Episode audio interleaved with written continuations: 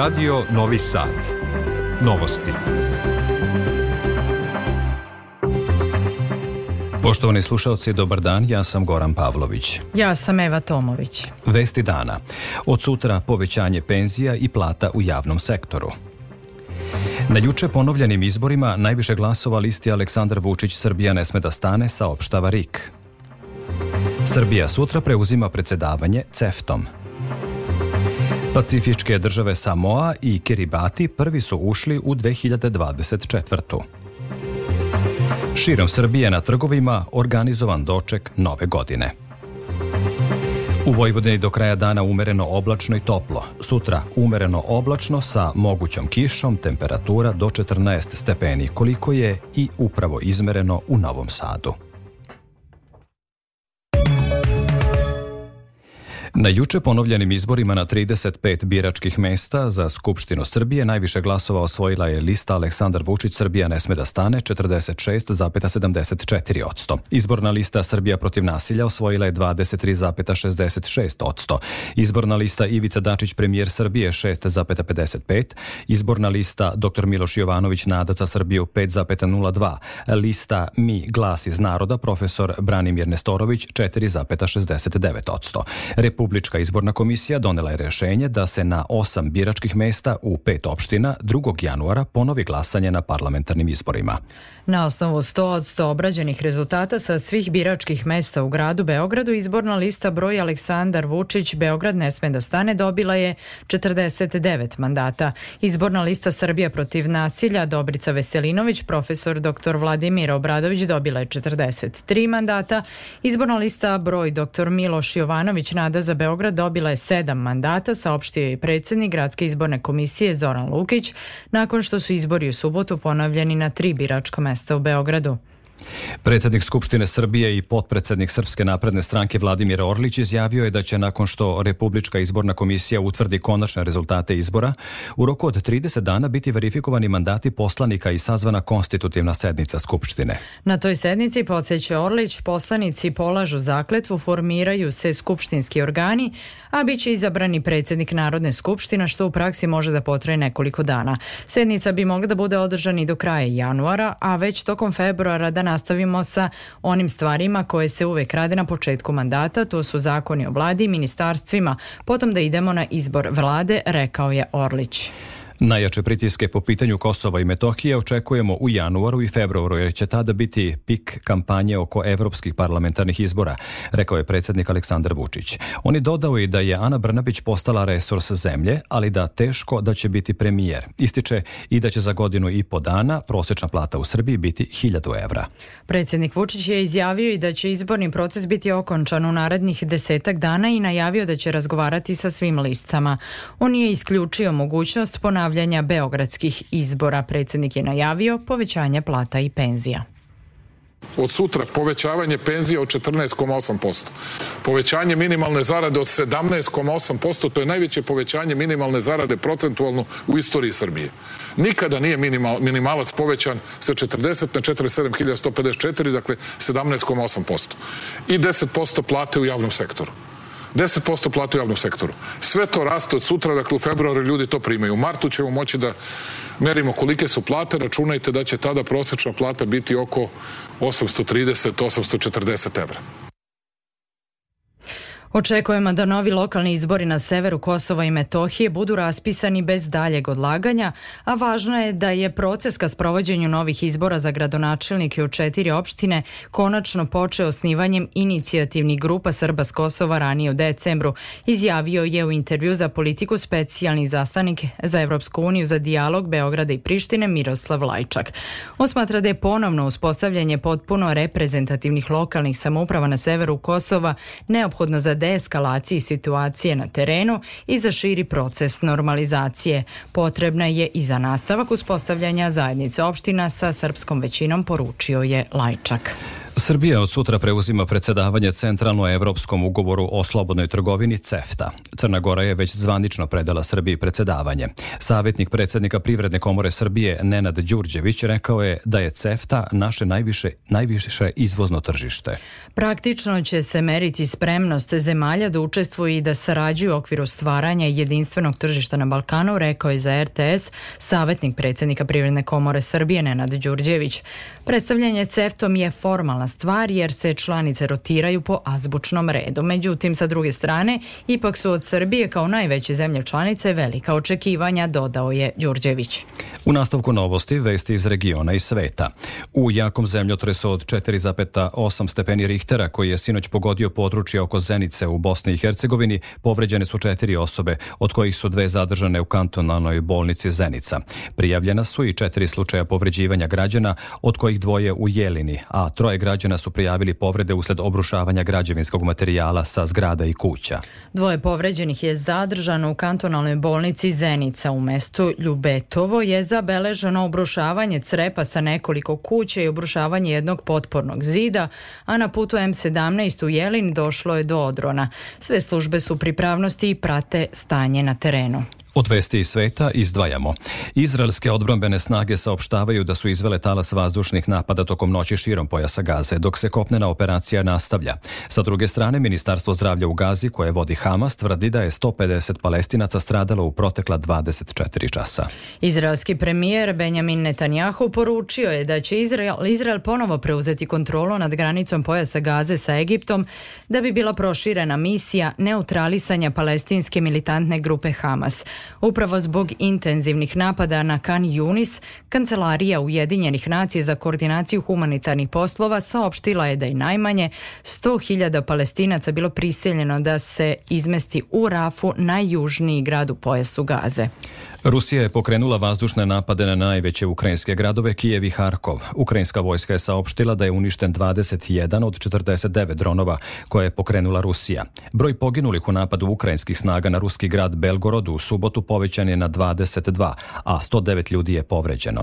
Na hitnoj sednici Saveta bezbednosti Ujedinjenih nacija koja je sazvana na zahtev Rusije, ruski ambasador Vasilij Nebezjaje optužio Kijev za akt terorizma. Ministarstvo odbrane Rusije na nagovestilo je odmazdu na ukrajinsko granatiranje Belgoroda. Tokom cele noći granatirane su ukrajinske oblasti Sumi, Čer, Černigov, Odesa, Vinica, Hmeljnicki, Bela crkva, a dronovima je dejstvovano i u oblasti Kijeva. Mirovne snage Ujedinjenih nacija završavaju povlačenje iz Malija nakon misije koja je trajala čitavu deceniju.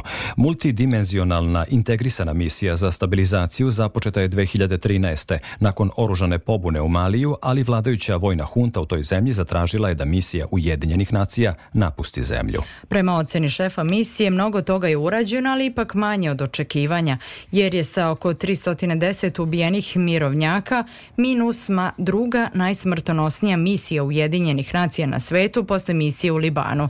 Osoblje Ujedinjenih nacija se već mesecima u fazama vraća iz Malija, rok za potpuno povlačenje ističe danas.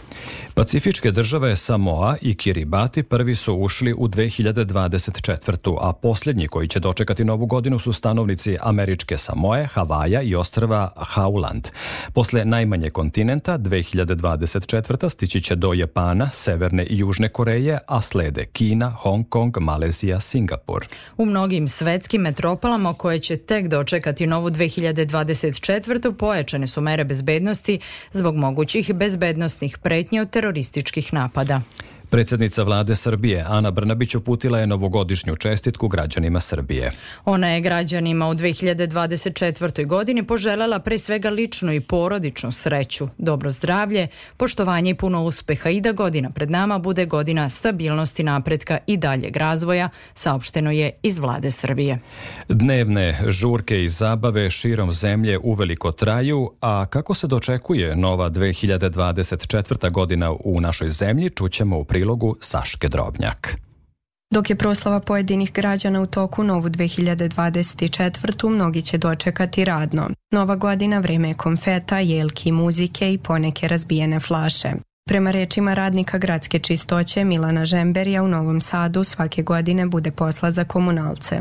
Danas je samo ova, ima jedna smena, a inače radnim danom prva i druga ima. Pa ne znam, bude, ali ne bude toliko, ali bude. Nadam se da neće toliko, ali vidjet ćemo. Nikad se ne zna. Već nekoliko godina u Novom Sadu postoji umetnički i produkcijski program pod nazivom Doček u podgrađu Petrovaradinske tvrđave, međutim mnogi će, kako kažu, doček obeležiti u kućnom ambijentu. Ko nije bio u gradu u Novom Sadu da dočeka novu godinu, neka dođe, nek vide i lepote.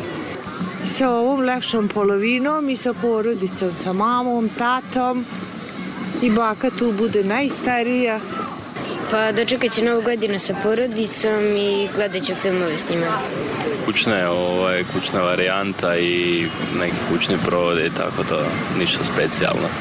U Novom Sadu doček počinje u 20 časova i 23 minute u podgrađu Petrovaradinske tvrđave gde će na tribine nastupiti ukupno šest izvođača.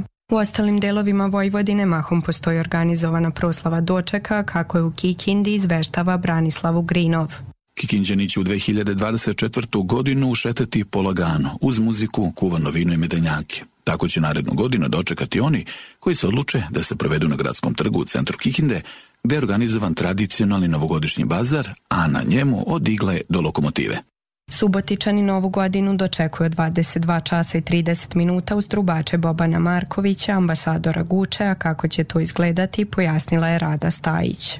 Zagrevanje pred koncert trubačkog orkestra koji je u poslednje dve decenije u samom vrhu kvaliteta ovog žanra na Balkanu. Subotičani i svi gosti koji odaberu grad na severu Bačke za doček nove godine mogu da nađu na zimskom vašaru gde uz plamen vatre te kuvano vino i rakiju mogu da podignu raspoloženje i uz zvuke trubača otpočnu odbrojavanje do početka nove 2024. godine. Kako će somborci provesti najluđu noć javlja Zlata Vasiljević. Program počinje u 21 sat koncertom Dušana Kostreševića, a u novu godinu somborce će uvesti Tanja Banjanin uz neizbežan vatromet. Kako protiče poslednji dan ove godine u Zrenjaninu objasnila je Tanja Krunić. Poslednji dan stare godine obeležili su Deda Mrazova povorka kroz grad kao i nastupi dečijih horova, plesnih grupa, kulturno-umetničkih društava. Ni Srem ne zaostaje sa proslavama, šta to čeka posetioce Rume, zna Jovana Stupar. Tri koncerta će biti održana na Rumskom trgu, oni već kreću od 18 sati, prvi nastupa Miroslav Ilić, oko 20 sati nastupa Aca Lukas, a od 22 sata pa do 1 sati za ponoći nastupit će Mitar Mirić. Kada je u pitanju Beograd, doček će biti upriličen na više lokacija, uključujući manifestacije Gradski doček nove 2024. godine i novogodišnji spektakl sa kule, na kojima će biti organizovan besplatan kulturno-umetnički i zabavni program za sve posetioca 21 čas i 30 minuta. Za razliku od severne pokrajine na Kosovu i Metohiji neće biti organizovanog dočeka nove godine, već će većina građana za doček biti u svojim domovima. Podsećamo na talasima Radio Novog Sada, ponoć možete dočekati uz muziku i Sašu Filipovića kada je u pitanju TV program. Posle specijala državnog posla u 22 časa očekuje vas muzički program sa poznatim gostima. Policijska uprava Novi Sad apeluje da se ne koriste pirotehnička sredstva koja mogu biti fatalna, naročito za najmlađe. Oni podsjećaju roditelje da su u slučaju ozbiljnijih povreda roditelji maloletnika prekršajno odgovorni. Za sve učesnike u saobraćaju apel je da ukoliko piju alkohol ne sedaju za volan jer će saobraćajne kontrole biti pojačane. Radio Televizija Vojvodine i koleginica Nevena Vrtulek 17 godina organizuju akciju Slatkiš za mog drugara. Danas su u okviru te akcije dodeljeni paketići i posluženi slatkiši deci i mladima iz pet novosadskih institucija, beleži Anđelka Mijailović. Deda Mraz je uz pomoć novinarke Radio Novog Sada, Nevene Vrtulek, najpre uručio paketiće drugarima u Domu za decu i omladinu ometenu u razvoju veterniku, potom su paketići, koji su za njih fabrički upakovani odneti deci smeštenoj na onkološkom odeljenju Dečije bolnice, gde ih je preuzela vaspitač odeljenja Tatjana Manojlović, koja se zahvalila organizatorima akcije i svima koji su donirali slatkiše. U ime naših malih pacijenata i instituta, E, zahvaljujemo Neveni Vrtulek, radio televiziji Vojvodine i građanima Novog Sada, što su eto i ove godine, kao i prethodnih godina, usrećili naše male pacijente i, i isprovocirali im osmehe učinili su da i oni osjećaju deo ove praznične atmosfere. Deca iz sigurne dečije kuće su bila sledeća koja su obradovana poklonima i pažnjom Deda Mraza. Posebnu radost je izazvala torta koju im je donirao vreme plov Kolačarijum. Nemanja Kovačić iz ove poznate novosadske poslastičarnice koja učestvuje od samog početka u akciji ističe da se oni ovom darivanju posebno raduju. Nevena me jedne godine negde na pola ovog druženja našeg i ove časti da možemo da budemo ovde pitala hoće li učestvovati, ja sam kazao ćemo se vređati sad, o, ovaj, naravno da će učestvovati, e, smatraću da nešto nije u redu između nas ako me ne pozoveš sledeći put. E, divno je e, da možeš da pomogneš. Sveti Sava, ja to stalno govorim, i rekao, tvoje je samo ono što si poklonio i ništa drugo nije tvoje. Potom su na tom slatkom putovanju poklone i tortu dobili deca i mladi iz udruženja Ljubav Vera Nada, koje brine o osobama sa invaliditetom. Tortu sa figurom Deda Mraza za njih je spremila poslastičarnica Kristina.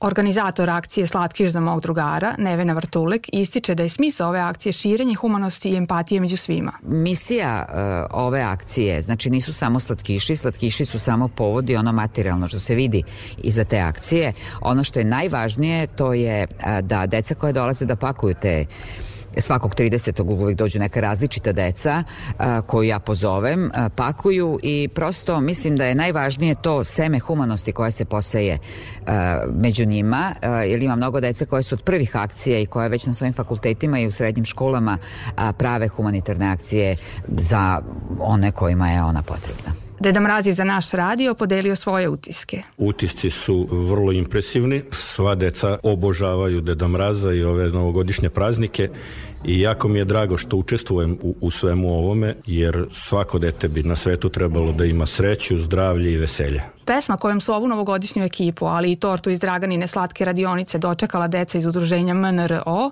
udruženja za osobe sa mentalnim smetnjama, najbolje govori koliko je njima značila ova poseta. Padaju, padaju, sreba bele zvezde, sanke deda mraza, preko brda je Padajte, padajte, srećnije i bele, Deda mraz nam stiže na veselje. Pored pomenutih poslastičarnica, učesnici u toj humanitarnoj akciji su i Banka hrane Vojvodine, Udruženje banaka Srbije, Udruženje Todo Tango i svi novosadjani koji su donirali slatkiše.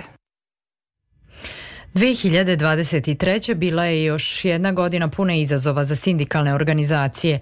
U Subotici se beleži nekoliko značajnih rezultata kada je reč o zaposlenima, ali i dalji problem predstavlja činjenica da je prosečna zarada u tom gradu ispod republičkog proseka. O tome Kristijan Takač. U Savezu samostalnih sindikata grada Subotice smatraju da minimalna cena rada u Srbiji ne zadovoljava osnovne potrebe zaposlenih, pre svega zbog inflacije koja najviše pogađa upravo one koji zarađuju najmanje. U isto vreme nisu zadovoljni ni prosečnom zaradom u Subotici, za koju kažu da je ispod republičkog proseka. Za Radio Novi Sad govori predsednik Saveza samostalnih sindikata grada Subotice Ištvan Huđi. Tu nismo uspeli taj dogovor napraviti sa poslodavcima, jer poslodavcima uvek manje, uvek im fali nešto, a suština je u tome da a, kako gledamo prema, prema podacima koje su javni dostupni, vidimo da je sve veći profit ovih stranih kompanija u Subotici i da oni sasvim lepo rade i mislim da taj kapital koji oni ostvare da ne, ne, ne prenesu na onaj način prema radnicima po nama u sindikatu kako bi to trebalo i smatramo da bi te zarade koje su Subotici od oko 76.000 dinara zadnji objavljen podatak, da bi oni trebali više puta to i svake godine govorim da bi ona ta nasa prošlica zarada morala biti veća i da ona i kao mm, prema kvalitetu radnika i prema poslovima koje obavljamo u Subotici da ona sigurno zaslužuje da ne bude na nivou Republike Srbije. U 2023. godini je međutim postignut značajan napredak kada su u pitanju zaposleni u oblasti zdravstva i socijalne zaštite. Pored povećanja zarada, značano je i to da je 59 zdravstvenih radnika koji su radili tokom epidemije koronavirusa u opštoj bolnici Subotica dobilo stalno zaposlenje.